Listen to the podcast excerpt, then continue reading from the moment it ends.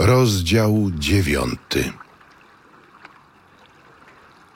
On wsiadł do łodzi, przeprawił się z powrotem i przyszedł do swego miasta.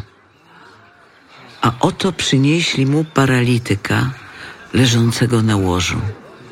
Jezus, widząc ich wiarę, rzekł do paralityka. Ufaj, synu. Odpuszczone są ci twoje grzechy. Na to pomyśleli sobie niektórzy z uczonych w piśmie. On bluźni. A Jezus, znając ich myśli, rzekł. Dlaczego złe myśli nurtują w waszych sercach? Cóż bowiem łatwiej jest powiedzieć: Odpuszczone są ci twoje grzechy, czy też powiedzieć: Wstań i chodź. Otóż, żebyście wiedzieli, iż syn człowieczy ma na ziemi władzę odpuszczania grzechów. Rzekł do paralityka. Wstań, weź swoje łoże i idź do swego domu. On wstał i poszedł do domu.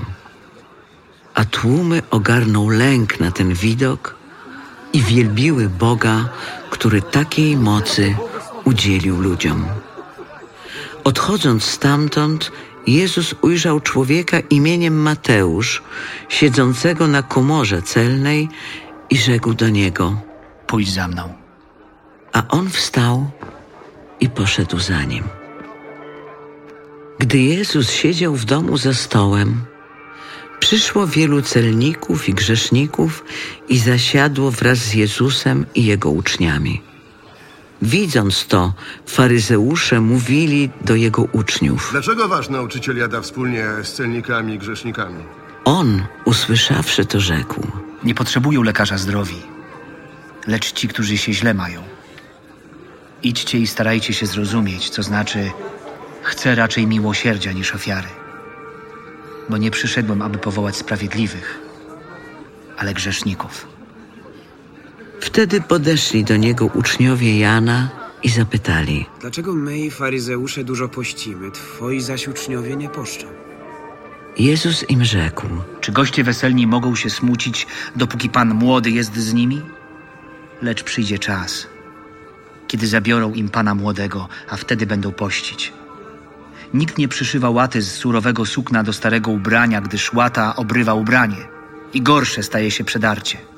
Nie wlewają też młodego wina do starych bukłaków. W przeciwnym razie bukłaki pękają, wino wycieka, a bukłaki przepadają. Ale młode wino wlewają do nowych bukłaków.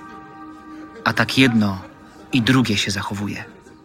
Gdy to mówił do nich, oto przyszedł do niego pewien zwierzchnik synagogi i oddając mu pokłon, prosił. Panie, moja córka dopiero co skonała, lecz przyjdź i połóż na nią rękę, a żyć będzie.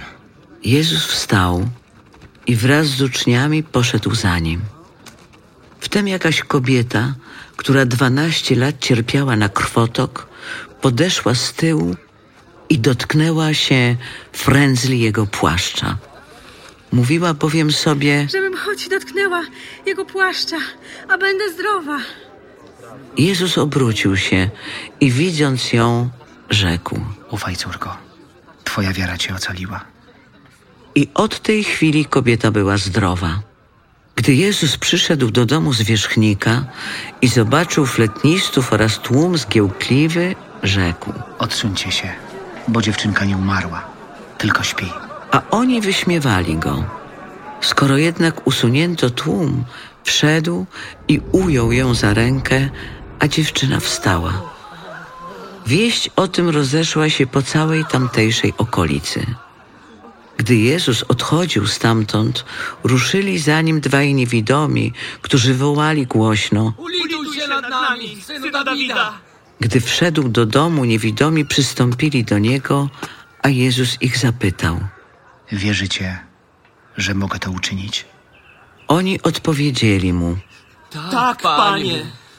Wtedy dotknął ich oczu, mówiąc. Według wiary waszej niech wam się stanie. I otworzyły się ich oczy, a Jezus surowo im przykazał. Uważajcie, niech się nikt o tym nie dowie. Oni jednak, skoro tylko wyszli, roznieśli wieść o nim po całej tamtejszej okolicy. Gdy ci wychodzili, oto przyprowadzono mu opętanego niemowę.